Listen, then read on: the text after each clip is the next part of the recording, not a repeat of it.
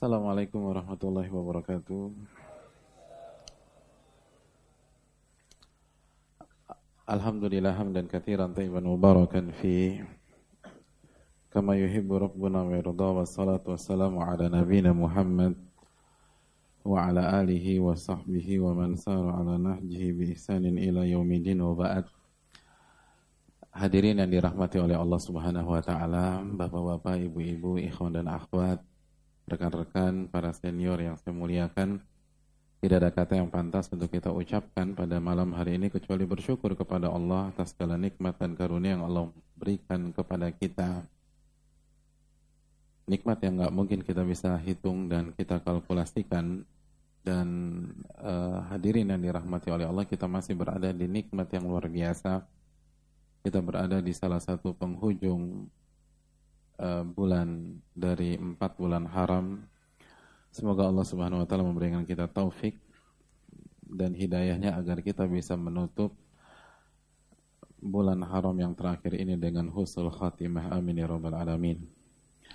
Salawat dan salam semoga senantiasa tercurahkan kepada kudwah kita, uswah hasanah kita, Nabi besar Nabi Muhammad wasallam beserta para keluarga, para sahabat dan orang-orang yang istiqomah berjalan di bawah naungan sunnah beliau sampai hari kiamat kelak. Hadirin yang dirahmati oleh Allah Subhanahu wa taala, ada dua pengumuman yang ingin saya sampaikan sebelum kita masuk ke materi. Uh, pengumuman yang pertama, materi malam hari ini adalah materi tematik jadi tidak berkaitan dengan materi pertemuan yang lalu. Kenapa? Karena ada maslahat dan kepentingan yang ingin kita angkat pada malam hari ini.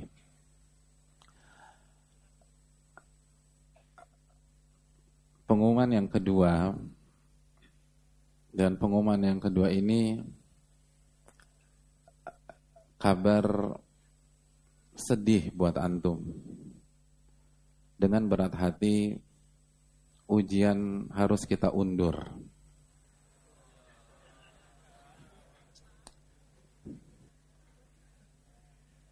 Ekspresi sedih antum sama senang antum nggak terlalu beda ya.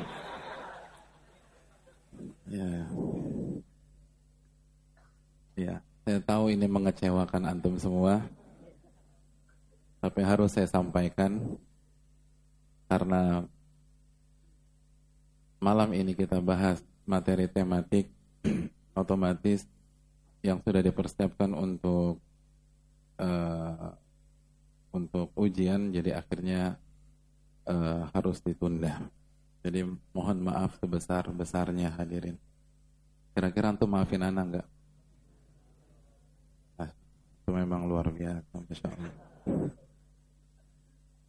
Ya. Tapi nggak usah khawatir, ujian tetap kita selenggarakan. Tapi waktunya agak tertunda saja, insyaallah. Ya hadirin yang dirahmati oleh Allah Subhanahu wa taala. Kita akan berbicara tentang sosok yang terasa dianaktirikan oleh umat Islam. Nabi Shallallahu Alaihi Wasallam yang menyatakan ini dalam hadis yang dikeluarkan Imam Tirmidzi, Imam Ahmad dan lain-lain. Yakbulun nasu anhu. Sosok ini eh, itu sering dilalaikan oleh manusia. Siapa dia hadirin? Siapa dia? Sosok ini kata Nabi sering dilalaikan oleh manusia. Siapa dia? Oke, kita buka lagi clue-nya. Nabi SAW bersabda, Baina Rajab wa Ramadan. Nggak ada gunanya untuk angkat tangan. Udah jelas tuh. Udah jelas. Kata Nabi SAW, sosok ini itu berada di antara Rojab dan Ramadan. Siapa dia? Alhamdulillah. Jangan bilang Muharram nanti. Dia adalah bulan Syaban. Dia adalah bulan Syaban dan sadaqa Rasulullah sallallahu alaihi wasallam. Ketika kita melihat kondisi yang ada di lapangan, maka tidak ada yang kita katakan kecuali Nabi SAW menyatakan hal yang sangat jitu. Ini semakin menambah keyakinan kita apa yang disampaikan Nabi tidak pernah meleset. Karena beliaulah yang disampaikan oleh Allah Subhanahu wa taala dalam surat An-Najm ayat 3 dan 4 wa ma 'anil hawa in huwa illa wahyun yuha. Nabi tidak berbicara dengan hawa nafsunya. Namun wahyu yang Allah wahyukan kepada beliau jarak antara kita dengan Sya'ban hanya hitungan mungkin bisa kita katakan hitungan jam. Betul lebih di atas 24 jam, tapi sudah bisa kita ungkapkan dengan hitungan jam. Namun tidak ada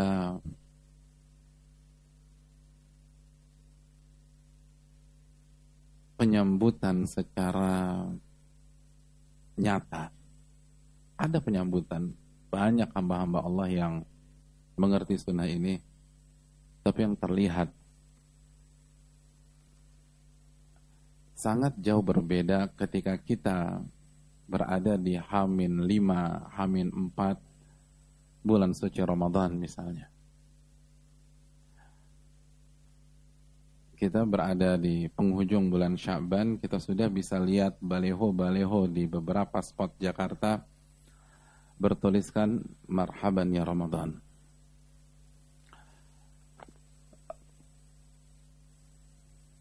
Tadi dari rumah ke masjid ini hadirin. Siapa yang lihat baleho marhaban ya Sya'ban? Ada nggak? Coba angkat tangan. Saya kasih hadiah. Ada nggak? Baleho marhaban ya Sya'ban. Tidak ada. Nabi SAW yang mengatakan yakfulun nasu anhu. Banyak manusia itu lalai terhadap bulan yang satu ini.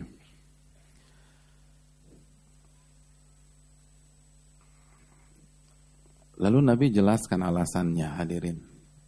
Kata baginda Rasul Sallallahu Alaihi Wasallam, karena dia berada di tengah-tengah antara Rajab dan Ramadan.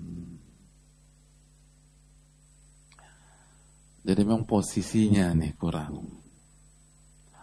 Sehingga mata-mata manusia tertuju pada Rajab dan Ramadan.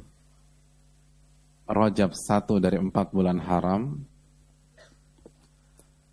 dan yang satu lagi nggak kita sanksikan bulan suci Ramadan. Jadi bukan karena dia nggak spesial, kita akan jelaskan nanti ini bulan spesial, tapi karena posisinya di antara satu bulan haram dan satu bulan Ramadan.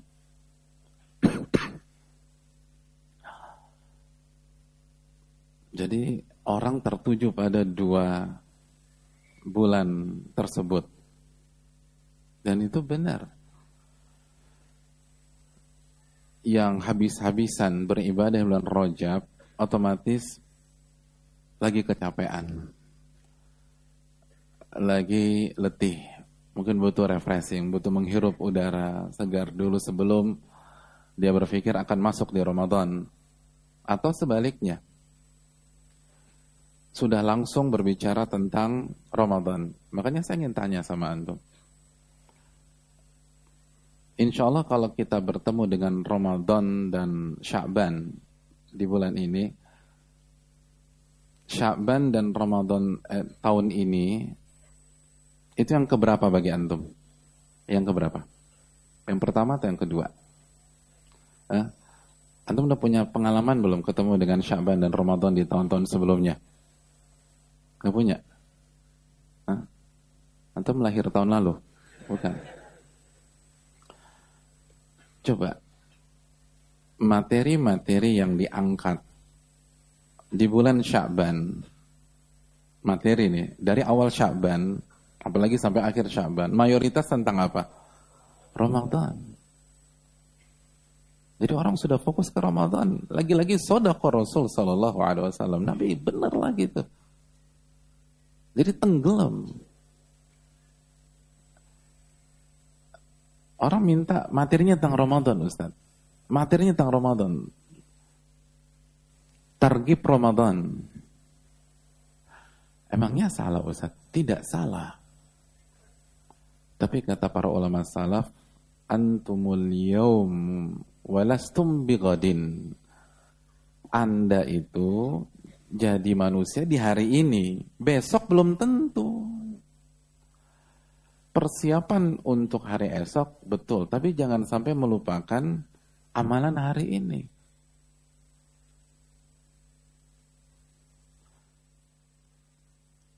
Besok dipersiapkan, hari ini jangan lupa. Jadi tidak ada masalah. Target Ramadan harus. Tapi ketika kita lupa tentang Syaban karena terlalu karena konsentrasi kita 100% ke Ramadan, ini yang dikatakan Nabi kita Shallallahu Alaihi Wasallam. Antara Rajab dan Ramadan.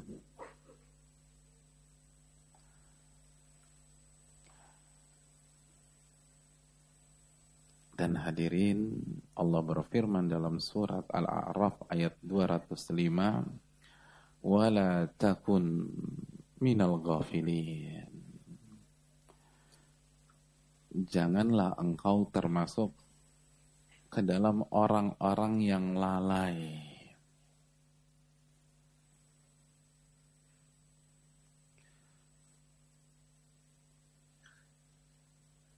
janganlah engkau termasuk ke dalam orang-orang yang lalai. Kalau kita korelasikan antara ayat ini dengan hadis kita pada malam hari ini, maka kesimpulan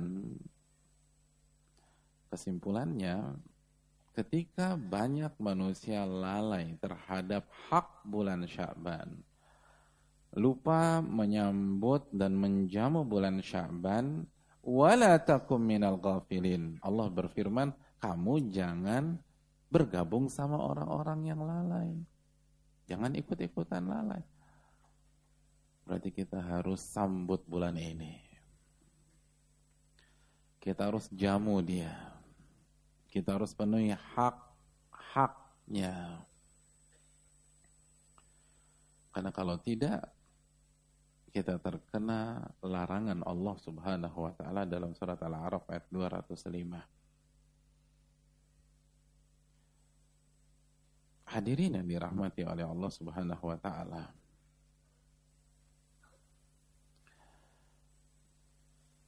Bulan ini istimewa.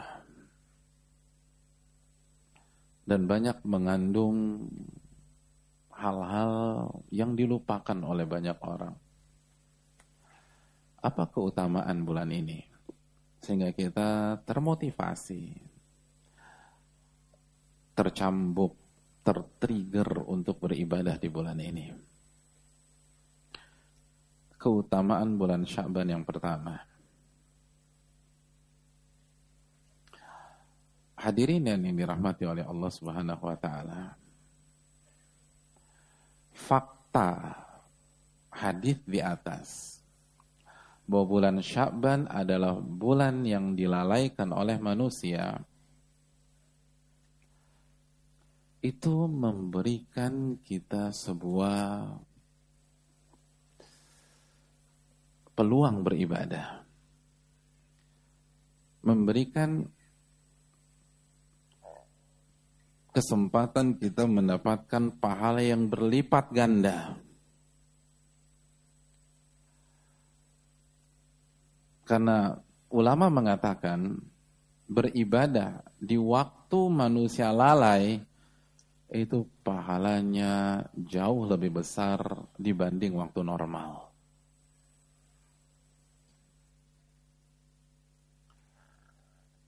Nabi kita Shallallahu Alaihi Wasallam bersabda dalam hadis riwayat Imam Muslim dan hadis ini dibawakan sebagian ulama ketika berbicara tentang bulan Sya'ban al ibadatu fil haraji kal hijrati ilayya beribadah di masa haraj itu seperti berhijrah kepada diriku al haraj itu bisa bermakna fitnah itu bisa bermakna pada waktu manusia lalai. Ketika manusia lalai, antum beribadah, Nabi mengatakan pahalanya seperti berhijrah ke Rasul Sallallahu Alaihi Wasallam.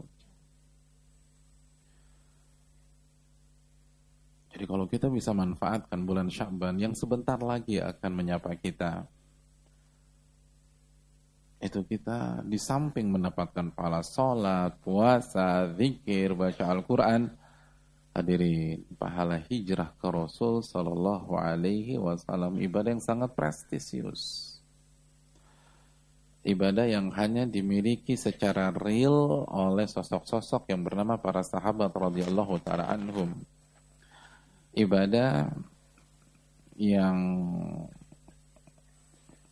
wujudnya adalah berjalan mempertaruhkan nyawa sejauh kurang lebih 450 sampai 500 kilo dari Mekah ke Madinah. Oh itu luar biasa. Makanya jangan sia-siakan bulan Syaban. Karena pahalanya prestisius.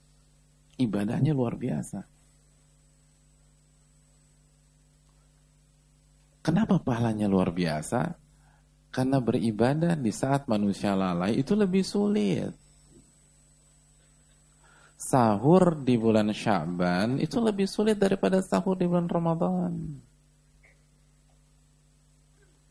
Ketika semua manusia tenggelam di dalam semangat berpuasa dan itu bagus sekali, tapi itu tadi itu pada secara otomatis mempermudah kita beribadah. Karena semua sahur. Semua duduk manis di meja makan. Eh, di bangku meja makan, mohon maaf. Ya kan meja makan nggak boleh duduk di sana. Tapi kalau Syaban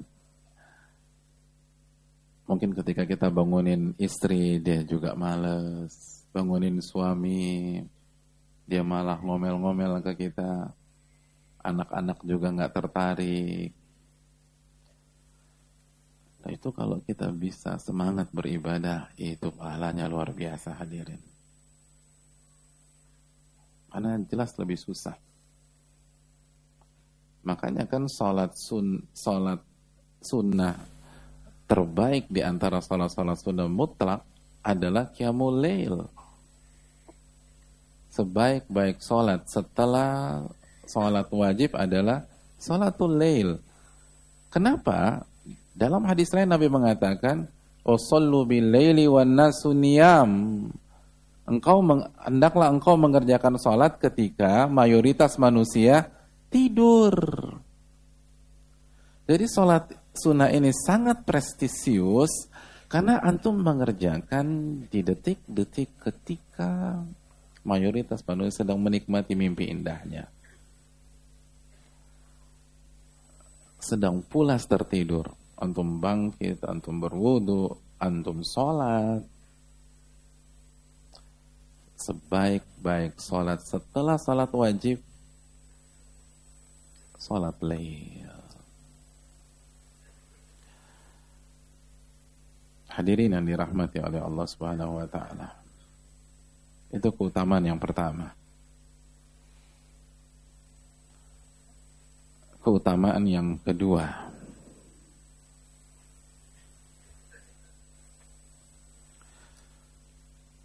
Sebagian para ulama menjelaskan bahwa bulan Sya'ban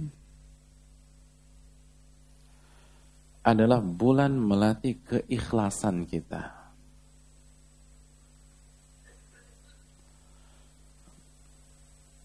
Apa argumentasi mereka? Jawabannya karena pada saat manusia lalai, lalu kita beribadah, maka mereka tidak melihat ibadah yang kita lakukan. Tidak ada yang memperhatikan kita. Tidak ada yang melihat. Karena mereka lalai kan.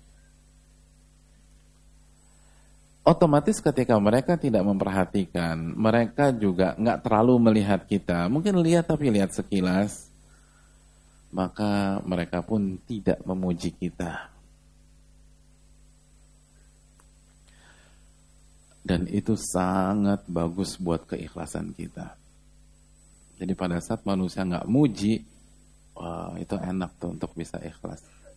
Karena orang akan muji kita ketika dia tahu prestasi kita. Pantas kalau orang nggak tahu prestasi kita, orang nggak tahu uh, amal yang kita lakukan, mereka nggak akan muji kita. Selamat ya mas, tadi malam ada apa? Hmm, nggak tahu, selamat aja. Kan nggak ada yang begitu. Pokoknya mau kasih selamat aja tadi malam. Aku juga nggak tahu kamu ngapain. Oh selamat ya tadi malam mainnya bagus misalnya gitu. Selamat ya tadi malam suaranya enak tuh mas pas terawih. Masya Allah itu kan orang tahu.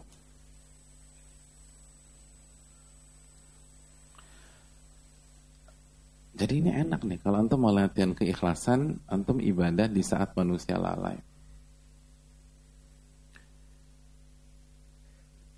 Dan itu kan saran Nabi SAW sebenarnya untuk amal ibadah yang non syiar. Apa kata Nabi dalam hadis riwayat Imam Ibnu Mubarak? Manis uh, ini stata'an yakuna lakum khibun ini sata'tum an yakuna lakum khibun minal amali salih faf'al.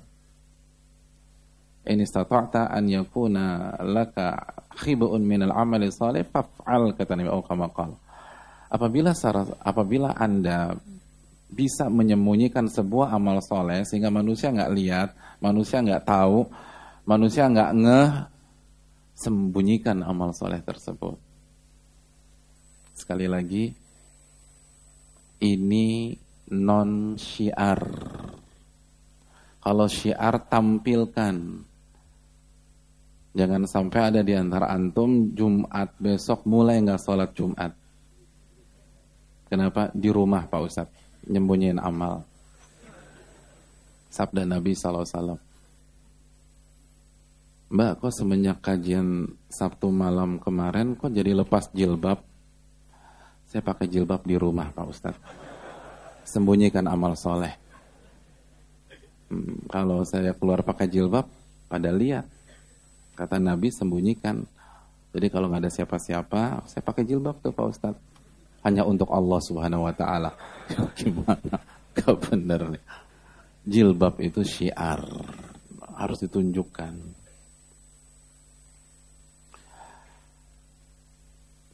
Jadi itu yang kedua. Yang ketiga Yang ketiga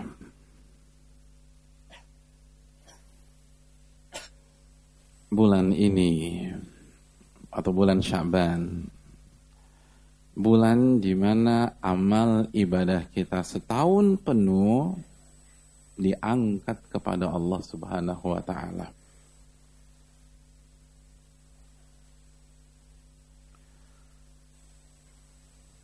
Allahu Akbar. Diangkat kepada Allah.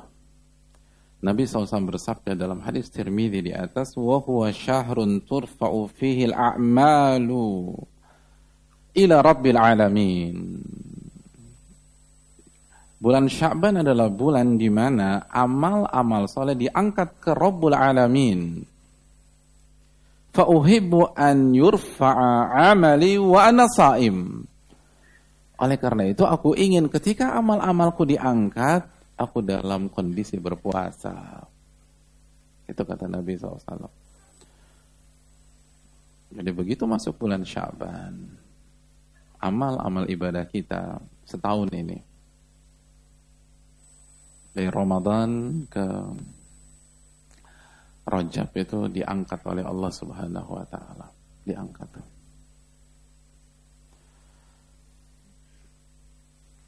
Hadirin yang dirahmati oleh Allah Subhanahu wa taala. Coba deh pulang dari sini kita renungkan satu tahun ini apa amalan kita. Berapa kali khatam dari Ramadan ke Rajab?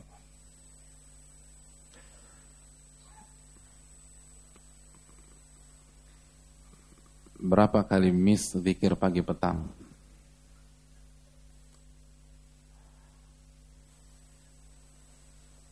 Bagaimana murojaah hafalan Quran kita?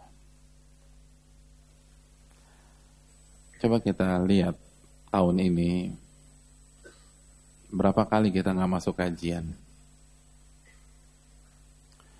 Terus sholat kita gimana hadirin? Sholat lima waktu kita atau salat duha rawatib salat rawatib itu dijaga nggak nih satu tahun ini lalu puasa Senin Kamis puasa-puasa ayamul bil infak sedekah kita berapa setahun ini terus kalaupun lumayan lumayan sedikit maksud saya yang lumayan sedikit itu berapa persen yang ikhlas kepada Allah Subhanahu wa taala? Berapa persen yang khusyuk?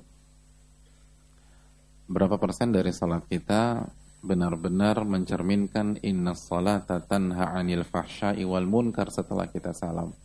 Salat itu mencegah perbuatan keji dan mungkar.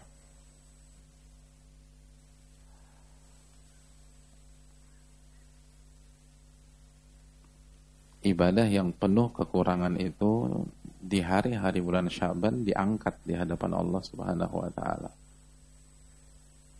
Diangkat hadirin.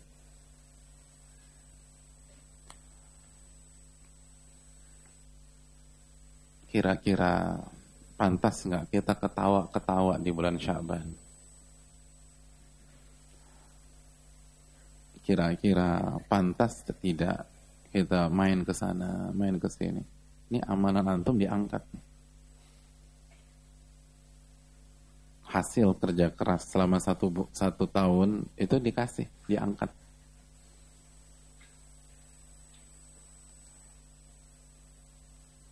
Kira-kira pantas nggak tuh?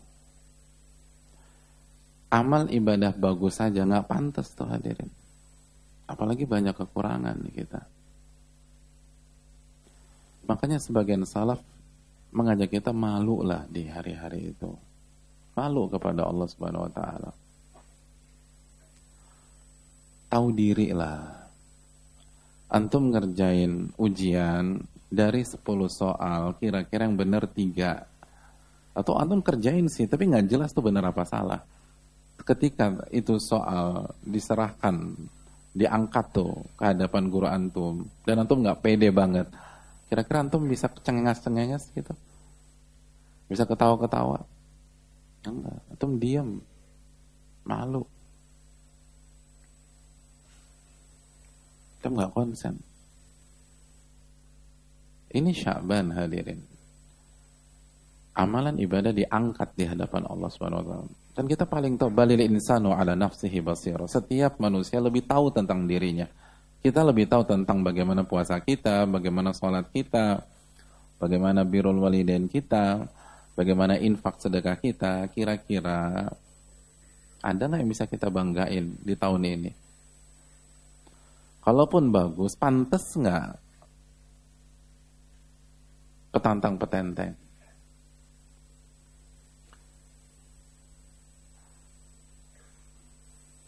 Hadirin. Oleh karena itu, Nabi Shallallahu Alaihi Wasallam menyatakan, "Fauhibbu an yurfa'a amali wa ana saim." Dan aku ingin ketika amal ibadahku diangkat, aku dalam kondisi berpuasa. Dan ibadah yang sangat kental dengan bulan Syaban adalah puasa. Kenapa puasa hadirin? Kenapa Nabi nggak sebutkan ibadah lain? Kenapa puasa? Sebagian ulama menjelaskan karena puasa adalah salah satu ibadah yang sangat cocok dengan karakter bulan Sya'ban. Apa yang terjadi di bulan Sya'ban? Karena salah satu yang terjadi di bulan Sya'ban adalah amal ibadah kita diangkat di hadapan Allah Subhanahu wa taala. Amal ibadah yang begitu terbatas, begitu banyak kekurangan, begitu amburadul, begitu jauh dari kata sempurna. Maka seorang hamba yang tahu diri dia harus bersikap tawatu di hadapan Allah. Bersikap penuh kerendahan di hadapan Rabbul Alamin. Bersikap rendah, hina, dina di hadapan Malik Yaumiddin. Dia harus tunjukkan kelemahan dia. Jangan sok jago.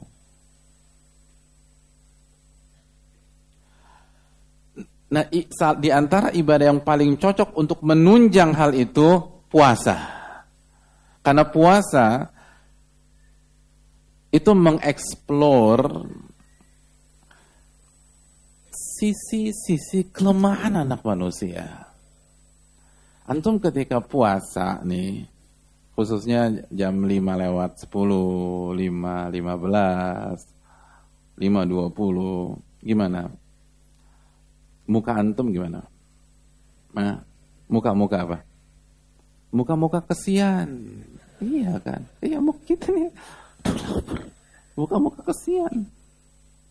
Bukan muka-muka segar. Muka-muka fresh. Enggak. Udah capek, lemes, lapar. Itu masih di Jakarta. Coba antum puasa di Mekah, di Madinah, suhu 50 derajat. Oh, kesian. Terus baru buka jam 7 malam. Itu udah lemes, udah males. Ah cocok tuh. Cocok. Hadirin yang dirahmati oleh Allah Subhanahu wa taala.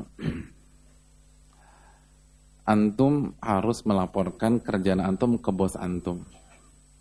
Ke bos antum.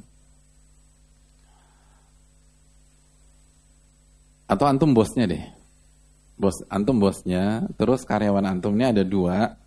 Itu mau melaporkan kerjaannya selama setahun ini ke antum. Yang pertama nih yang pertama itu gayanya petantang petenteng. So asik depan kita.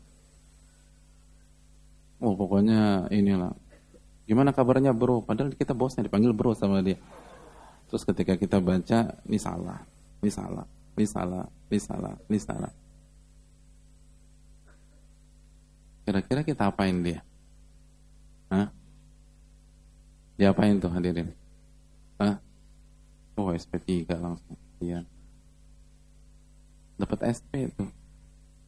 Terus yang kedua nih, yang kedua datang salahnya hampir sama sama yang pertama. Jadi kerjanya juga nggak nggak bagus-bagus amat, bahkan cenderung nggak bagus. Tapi mukanya melas, gemeter, santun. Cara nunjuknya juga pakai jempol ini pak, yang ini. Kira-kira antum akan kasih kesempatan kedua buat dia apa enggak? Iya, kan kasihan nih muka. Kasihan. Melas nih orang. eh nggak bagus sih ya tapi ada tong perbaiki ya ini perbaiki ini perbaiki ini perbaiki ini perbaiki ya secara umum saya terima deh tapi tong perbaiki perbaiki Allah kan begitu tapi kenapa harusnya kan falillahil matalul ala apalagi Allahu jalla wa ala jadi banyak orang kepedean nih bulan Syaban kayak nggak punya kayak nggak punya dosa gitu deh tenang aja Kayaknya amalnya udah segudang. Para ulama salaf itu malu pada saat amal ibadah mereka diangkat. Itu yang khatamanya tiap hari tiga, eh, tiap khatam tiga hari sekali, tiga hari sekali khatam, tiga hari sekali. Itu malu tuh kalau amal ibadah mereka diangkat. Kita tiga tahun khatam, tiga tahun khatam, santai aja tadi. Gak ada beban. Bayangkan.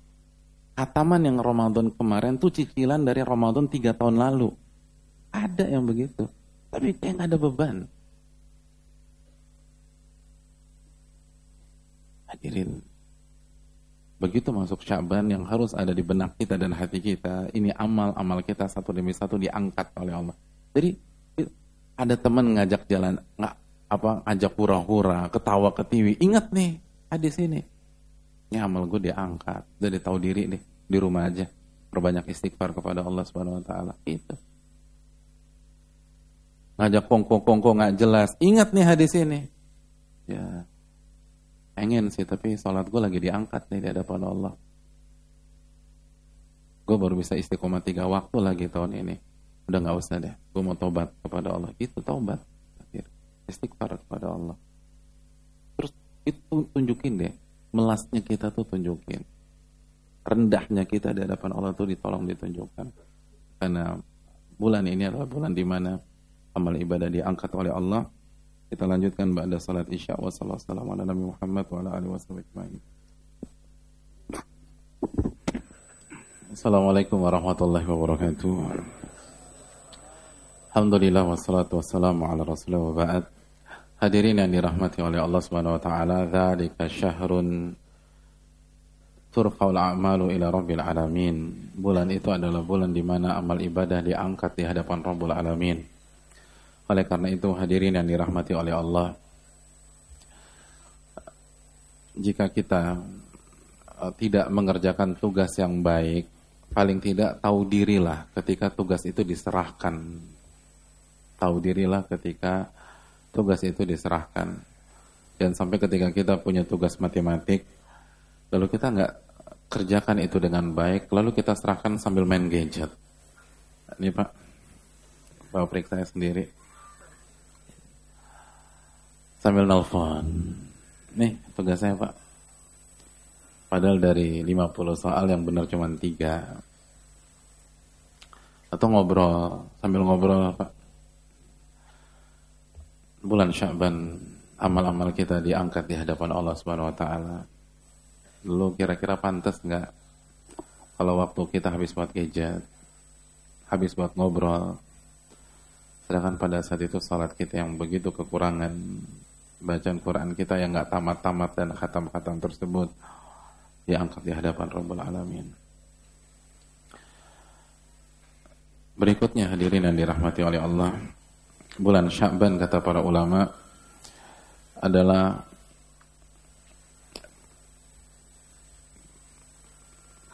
fase persiapan terakhir sebelum memasuki Ramadan. Ramadan tinggal beberapa puluh hari lagi hadirin. Dan fase terakhirnya adalah Sya'ban ketika Allah berbicara tentang ibadah, Allah berfirman dalam surat Al-Baqarah ayat 148, "Fastabiqul khairat." Maka berlomba-lombalah mengerjakan kebajikan. Allah men, Allah menjelaskan bahwa mengerjakan amal soleh itu perlu dengan semangat perlombaan, atmosfer perlombaan itu satu amal soleh. Bagaimana dengan Ramadan? Yang isinya hampir segala macam varian amal soleh. Maka ini adalah olimpiadenya orang-orang yang beriman kata sebagian pihak. Nah ibarat seorang atlet hadirin yang akan mengikuti olimpiade. Kira-kira mereka persiapan apa enggak tuh? Berapa bulan persiapannya? Atlet olimpiade siapa di sini? Hmm, atlet olimpiade. Antum. Cabang olahraga apa? Antum nolak mana sih? Siapa? Ada beneran? Enggak. Oh, gitu, enggak. Enggak, saya cuma nanya aja. Saya nggak tahu siapa atlet olimpiade di sini. Tapi atlet olimpiade persiapannya berapa bulan hadirin? Empat tahun. Kurang lebih empat tahun. Jadi begitu selesai olimpiade, yang sekarang berapa dia istirahat beberapa saat terus persiapan buat 4 tahun yang akan datang. Itu untuk dapat apa? Dapat emas. Emas dia bisa mencegah dia kena adab kubur. Bisa mendapatkan pintu surga yang bernama Royan, nggak bisa. Itu persiapannya 4 tahun. Ustadz kenapa bicara tentang Ramadan malam ini? Kan masih lama terlambat hadirin. Para salaf terdahulu di antaranya diucapkan oleh Al-Imam Ibnul Fadl kanu yad'una Allah sittata ashhurin an yuballighahum Ramadan. Mereka mulai berdoa kepada Allah Subhanahu wa taala agar Allah pertemukan mereka dengan Ramadan semenjak enam bulan sebelum Ramadan. Jadi kalau kita baru bicara di akhir Rajab, terlambat. Mereka enam bulan sebelumnya fokus, pikiran, konsentrasi mereka sudah tertuju pada sebuah bulan yang bernama Ramadan. Apa hasilnya hadirin? Sukses. Hasilnya berhasil. Hadirin yang dirahmati oleh Allah Subhanahu wa taala. Jangan kita pikir para para ulama terdahulu dengan berbagai macam prestasi bulan Ramadan itu tanpa persiapan. Keliru, itu persiapan. Itu persiapan. Sama seperti antum nonton bola atau nonton bulu tangkis, kalau ngelihat tuh atlet-atlet papan atas main, seakan-akan mereka dilahirkan dengan bakat seperti itu. Enggak, itu persiapan, itu latihan. Cuman antum nggak pernah nonton aja latihannya. Ketika Messi gocek bola itu latihan. Makanya kalau pengen ikut latihannya. Kalau nonton kan semua gampang udah. Semua simple. Ya iya. Sama kayak antum dengar Syekh Sudes baca Quran, Syekh Surem baca Quran, kayaknya oh itu bakat Pak Ustaz. Nggak ada. Nggak ada bayi lahir baca Al-Baqarah tuh nggak ada. Baca Ali Imran tuh nggak ada. Itu upaya, itu kerja keras, itu effort, itu diulang-ulang, itu repetisi. Ya, kalau masalah duniawi seperti itu, bagaimana masalah akhirat? Dan itu yang dilakukan para ulama. Para ulama start itu Syaban pada sibuk persiapan Ramadan. Makanya kan slogan mereka seperti yang dikatakan Al-Imam Habib bin Abi Thabit, dikatakan Imam Salamah dan para salaf yang lain, Syahrul Sya'ban, Syahrul Qurra. Bulan Sya'ban adalah bulannya pembaca-pembaca Al-Quran. Itu tema mereka di bulan Sya'ban. Di antara maknanya adalah bulan Sya'ban adalah bulan di mana para pembaca-pembaca Al-Quran pemanasan buat Ramadan. Jadi semua ada pemanasannya. Semua ada pemanasan. Orang-orang terbaik itu latihan bukan ngandelin kemampuannya secara spontanitas nggak bisa. Antum target Ramadan uh, khatam tiga kali, khatam empat kali, khatam lima kali, itu harus latihan. Para sahabat ada yang tiga hari khatam, ada yang empat hari khatam, bahkan Imam Syafi'i sehari dua kali khatam, itu latihan. Makanya mereka start dari Sya'ban, Nah kita ngelihatnya itu doang, terus nggak latihan, langsung lah baca hari pertama Ramadan tujuh juz. Padahal nggak pernah banyak, nggak pernah buka mushaf semenjak setahun yang lalu. Langsung tujuh juz. Hari kedua resign dah. dah. Kayaknya berat amat. Aneh sedekah aja deh sedekah. Eh, nggak bisa baca Quran. Karena langsung nggak ada latihan. Ya kayak orang nonton Ronaldo bicycle kick, langsung besoknya bicycle kick gitu. Ya tulang ekor patah diri. Gak bisa, ah, latihan. Amr bin Qais al-Mulai itu begitu masuk tanggal 1 Sya'ban beliau tutup toko beliau. Sibuk persiapan membaca Al-Quran dan ibadah menjelang bulan Ramadan libur. Antum libur mudik berapa hari? Berapa hari? Libur mudik. Seminggu. Imam mulai dari tanggal 1 Sya'ban buka lagi Syawal. Dua bulan bersih. Ya jadi itu. Serius. Jadi jangan lihat pas pertandingannya, itu pertandingan itu hasil kerja keras sebelumnya. Ah bisa kalau nggak dilatih. Baca Al-Quran juga gitu, tahajud juga gitu. Kalau antum target nanti terawih atau nanti qiyamul lail baca satu juz, dua juz, latihan dari Sya'ban.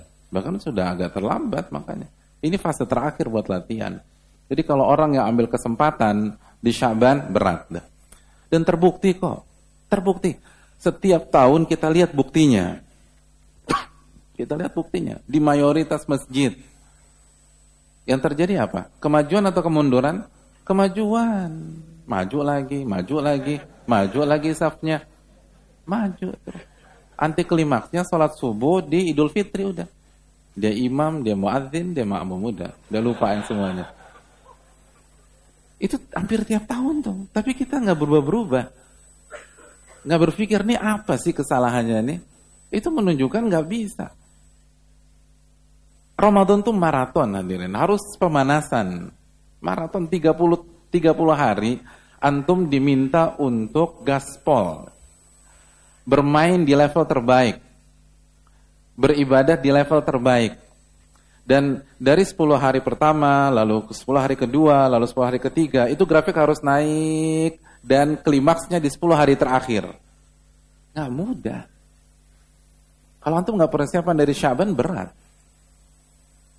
Makanya kalau tahun-tahun lalu kita kurang persiapan, tahun ini kita harus persiapan. Dan itu kunci para ulama. Mereka nggak mulai di satu Ramadan, mereka mulai dari Sya'ban, mereka mulai dari Rajab, mereka mulai dari bulan-bulan, enam bulan udah start fokus Ramadan. Sukses. Nah kita tiba-tiba masuk, nggak bisa. Terbukti habis bensin tengah jalan lagi, habis bensin tengah jalan lagi, nggak bertahan udah, nggak bertahan. Karena metodenya begitu, nggak ada persiapan, nggak ada pemanasan.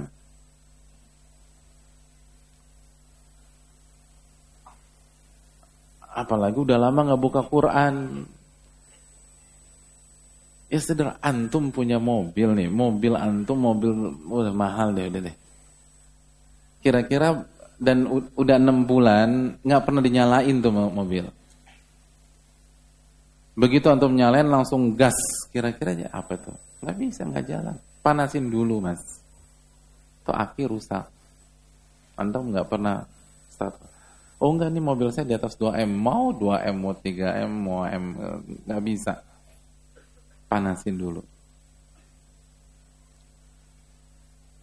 Hadirin, itu Imam Mulai. Itu Imam Salamah. Itu Imam Habib. Itu pemanasan. Dan mereka adalah para ahli-ahli Quran. Pertanyaannya kita ahli Quran bukan? Kita ahli tahajud bukan? Ya analogi sederhananya kalau atlet-atlet terbaik yang berkompetisi di Olimpiade, mereka harus masuk TC. Yang masuk TC bukan yang newbie-newbie begitu loh, yang eh, baru-baru uh, gitu, lagi uh, semangatnya uh, ikut lari tiba-tiba langsung ikut olimpiade enggak kan itu atlet-atlet terbaik itu ada itu aja harus masuk TC bertahun-tahun berbulan-bulan kalau para salaf terdahulu yang memang ahli tahajud, ahli kiroah, ahli Quran, ahli sedekah, itu mereka harus persiapan, ya apalagi kita. Ahli Quran bukan, ahli tahajud bukan, ahli zikir bukan, ya paling ahli ngobrol wal jamaah kan repot. Udah.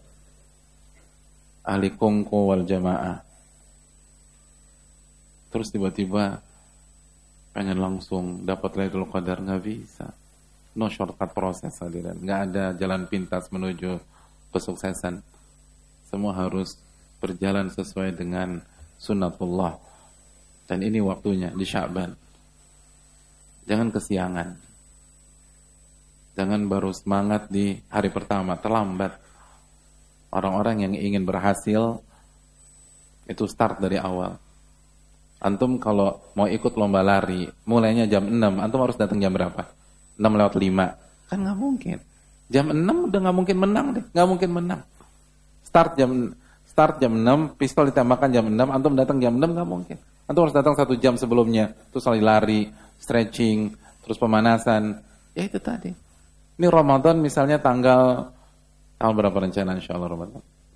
Tanggal 15 misalnya ya, tanggal kita lihat terus ya tanggal 15. Lalu antum mau start tanggal 15 berat.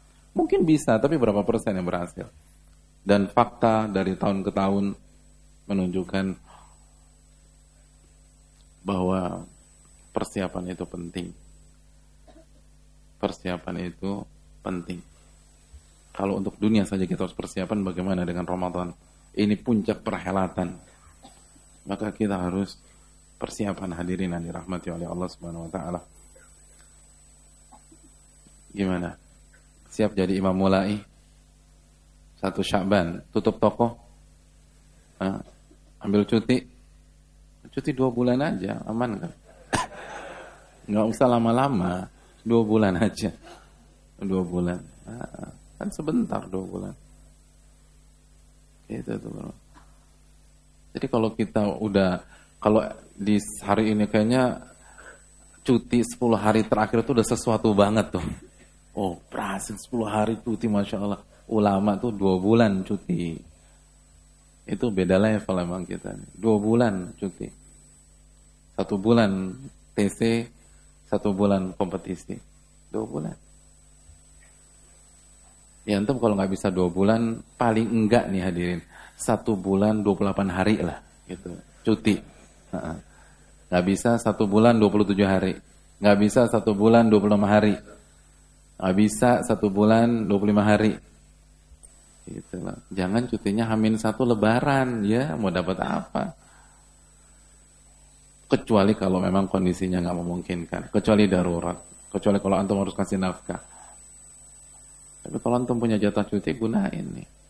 Kalau antum hanya cari sekunder saja, kenapa nggak kita korbankan? Orang cari dunia jadi korbankan. Orang keliling dunia itu bisa cuti bulanan. Apa yang didapat? Enggak ada, cuman view aja. Cuman view sama foto udah. Kalau view antum tinggal googling YouTube jelas semua ada dunia ini. Tapi mereka jalan sana, jalan ke sini itu bulanan tuh bisa.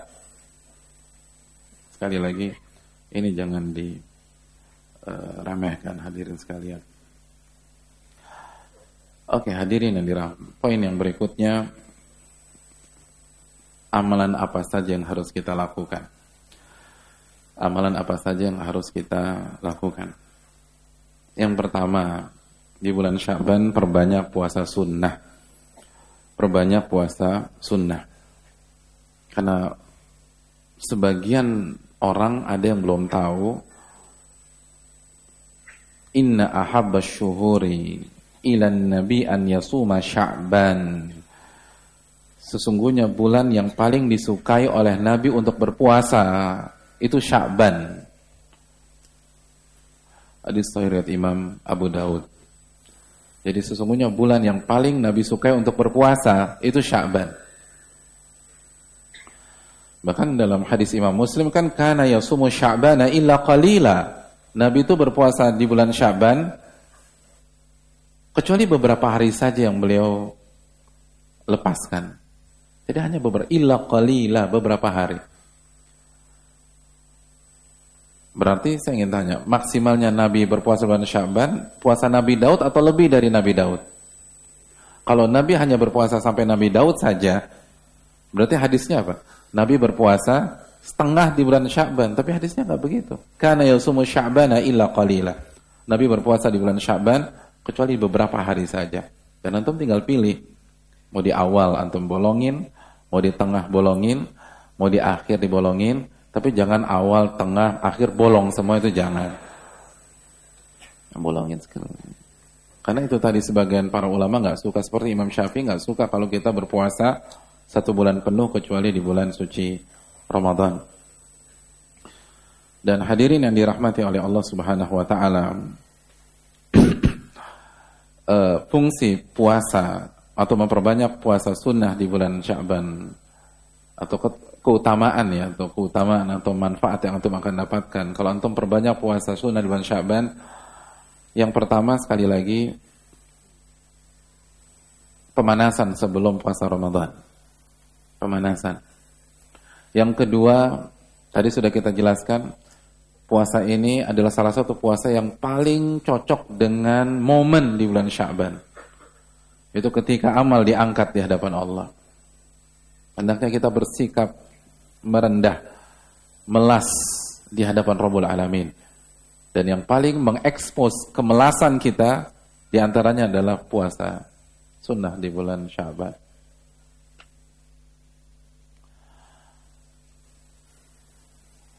Paling enggak kita diampuni lah oleh Allah Subhanahu wa taala. Yang ketiga, hadirin yang dirahmati oleh Allah Subhanahu wa taala,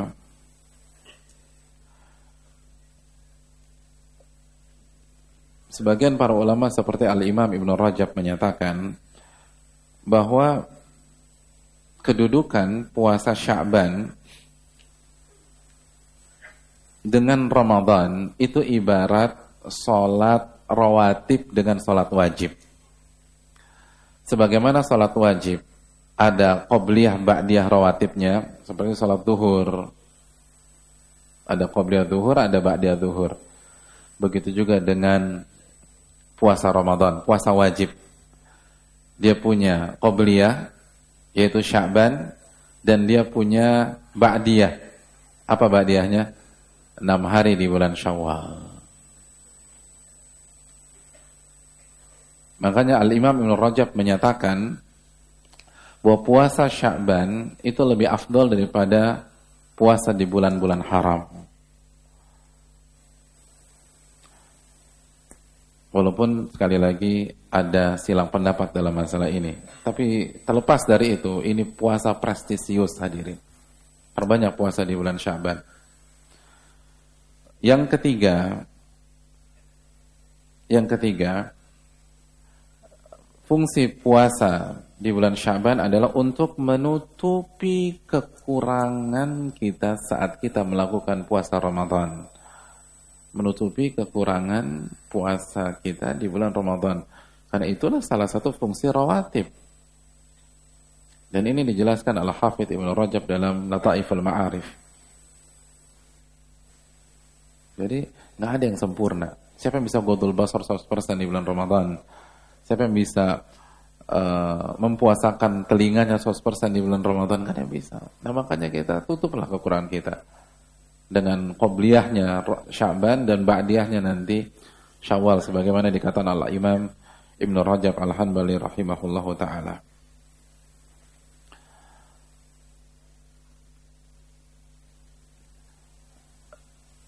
Terus uh, keutamaan berikutnya sekali lagi kita mendapatkan pahala menghidupkan sunnah Nabi yang hampir punah di masyarakat.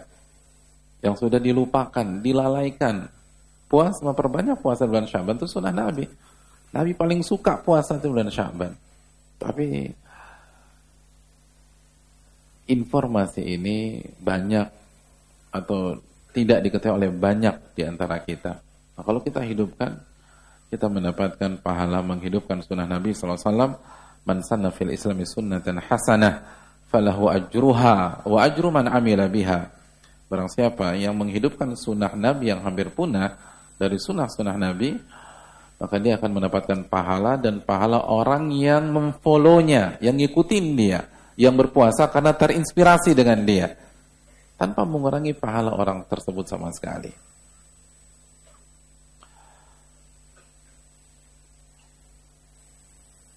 Itu hal yang uh, jadi puasa itu di, dimaksimalkan hadirin.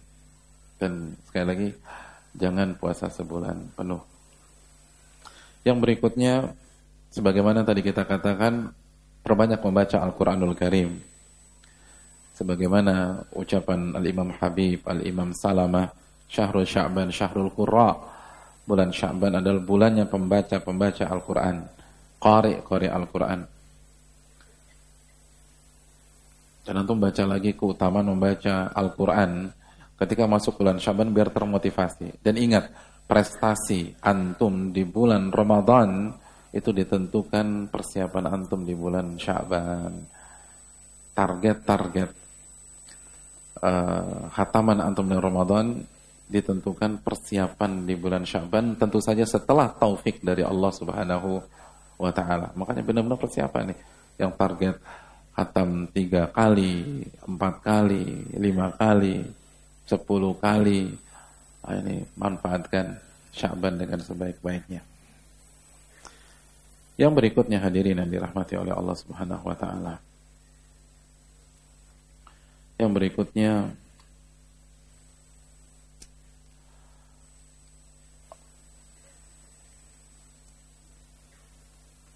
yang hendaknya kita lakukan di bulan Sya'ban hindari perselisihan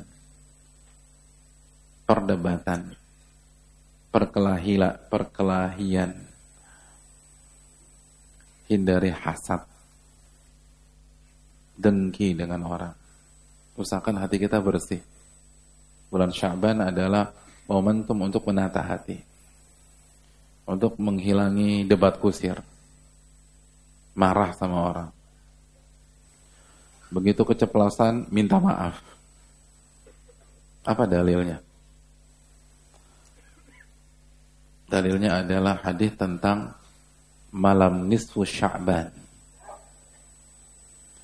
Hadirin yang dirahmati oleh Allah Subhanahu wa taala.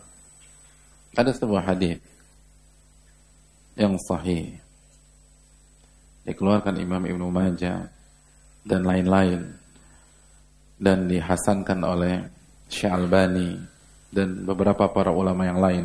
Syekh Masyur juga punya buku khusus masalah ini. Hadis itu berbunyi, Inna Allah la yatali fi laylati nisfi min Sya'ban. Sesungguhnya Allah akan memperhatikan hamba-hambanya secara khusus di malam nisfu Sya'ban. Malam nisfu Sya'ban itu malam keberapa? Ah? Malam keberapa? Malam ke-20 atau malam ke-17?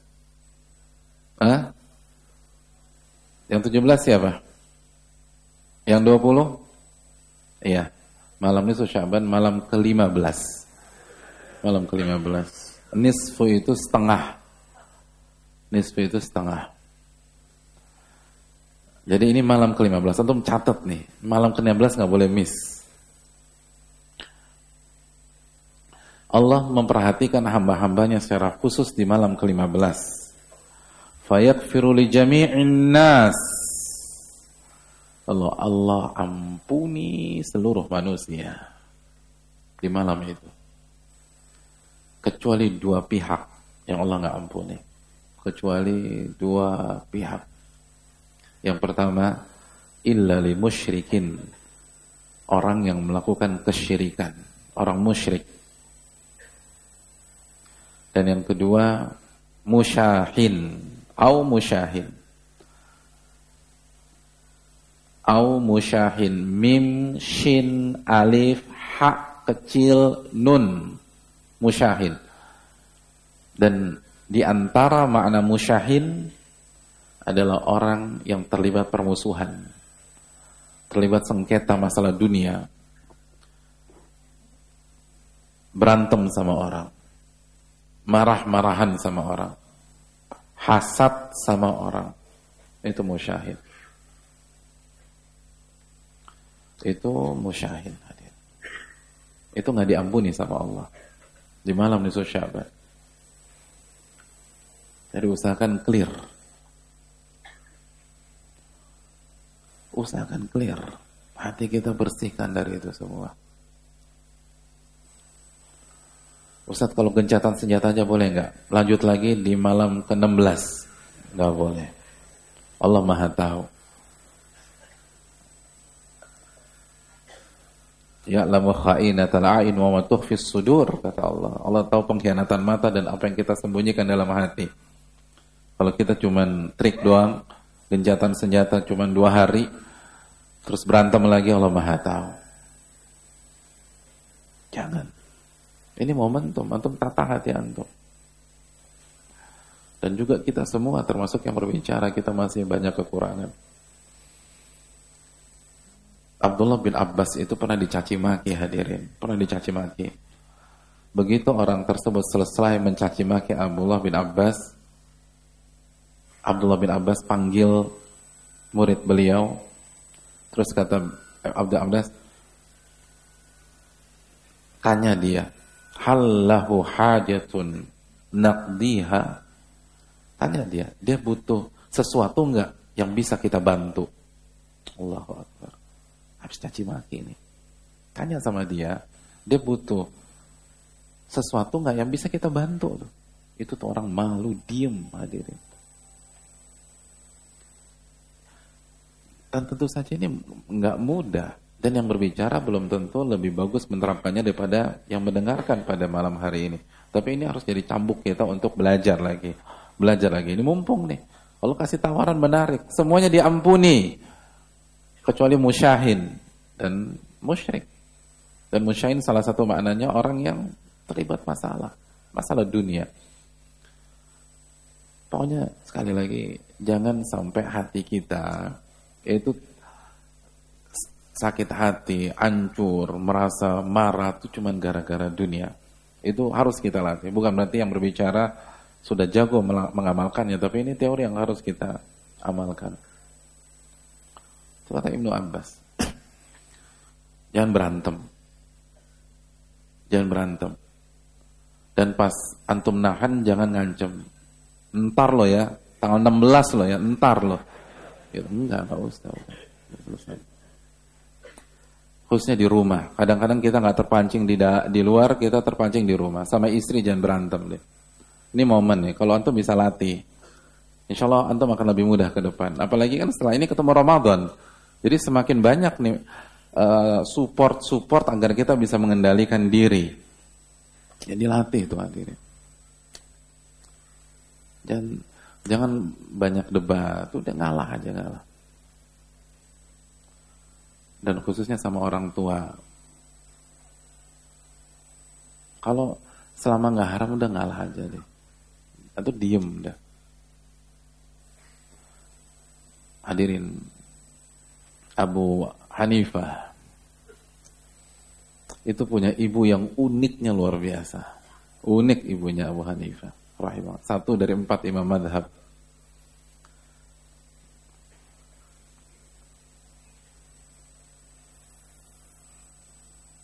Suatu ketika Imam Abu uh, ibunya Imam Ibu Hanifah, ibunya Imam Abu Hanifah itu bersumpah. Lalu dilanggar sumpahnya. Bingung nih ibu nih. Harus ngapain ya? Imam Abu Hanifah tahu. Disampaikan apa yang harus dilakukan si ibu. Eh nggak mau terima tuh ibu hadirin. Apa kata ibunya? La arda illa bima yaqulu zur'atul qas. Saya nggak ridho kecuali apa yang difatwakan oleh Zur'a al-Qas. Gak percaya sama anaknya. Anaknya imam nih hadirin. Imam. Kita baru jadi makmum, ya Allah galak banget sama orang tua. Padahal udah gitu masbuk lagi. Udah makmum, masbuk. Tapi nggak bentak-bentak. Imam nih. Antum pernah dengar Zura al-Qas? Siapa yang pernah dengar Zura al-Qas? Saya kasih hadiah. Pernah dengar nggak? Tapi saya tanya nih habis itu siapa dia. Jadi jangan ngaku-ngaku. Ada yang dengar surah Al-Qas? Nah, siapa yang dengar? Tapi antum pernah dengar Imam Abu Hanifah? Semua. Imam mana lebih alim daripada surah Al-Qas. Lebih alim. Gak mau. Saya hanya percaya kalau yang berfatwa Zur'ah Al-Qas. Itu kan. Gimana perasaan antum? Antum dokter jantung terbaik di Asia Pasifik. Terus ibu antum ada ada sakit di daerah jantungnya, pas dinasihatin enggak. Aku mau sama dokter itu aja. Padahal nggak jelas tuh dokter dari mana. Di bawah antum. Tapi ibu antum serta sama dia. Nggak mau didengerin. Antum mau bilang apa? Enggak, enggak, enggak. Saya mau percaya sama dia. Kira-kira antum apa ini ibu antum coba? Hah? anak debatnya apa? Kasih IPK antum, ini loh mam, 3,9 nih mah, anak mama sendiri, masa mama nggak percaya sama anak mama? Telepon, telepon, telepon, rekan sejawat saya nih, tanya. Nih suster saya tanya, siapa yang paling jago nih? Abu Hanifah enggak. Dianterin tuh ibu, ibunya tuh, mamanya ke Zur'a al-Qas. Dianterin, nggak mau debat sama orang tua, nggak mau ngelawan, nggak mau adu argumen udah. Selama kan benar Zul Qas juga ngerti, udah kita pergi ke Zul Qas. Diam aja Abu.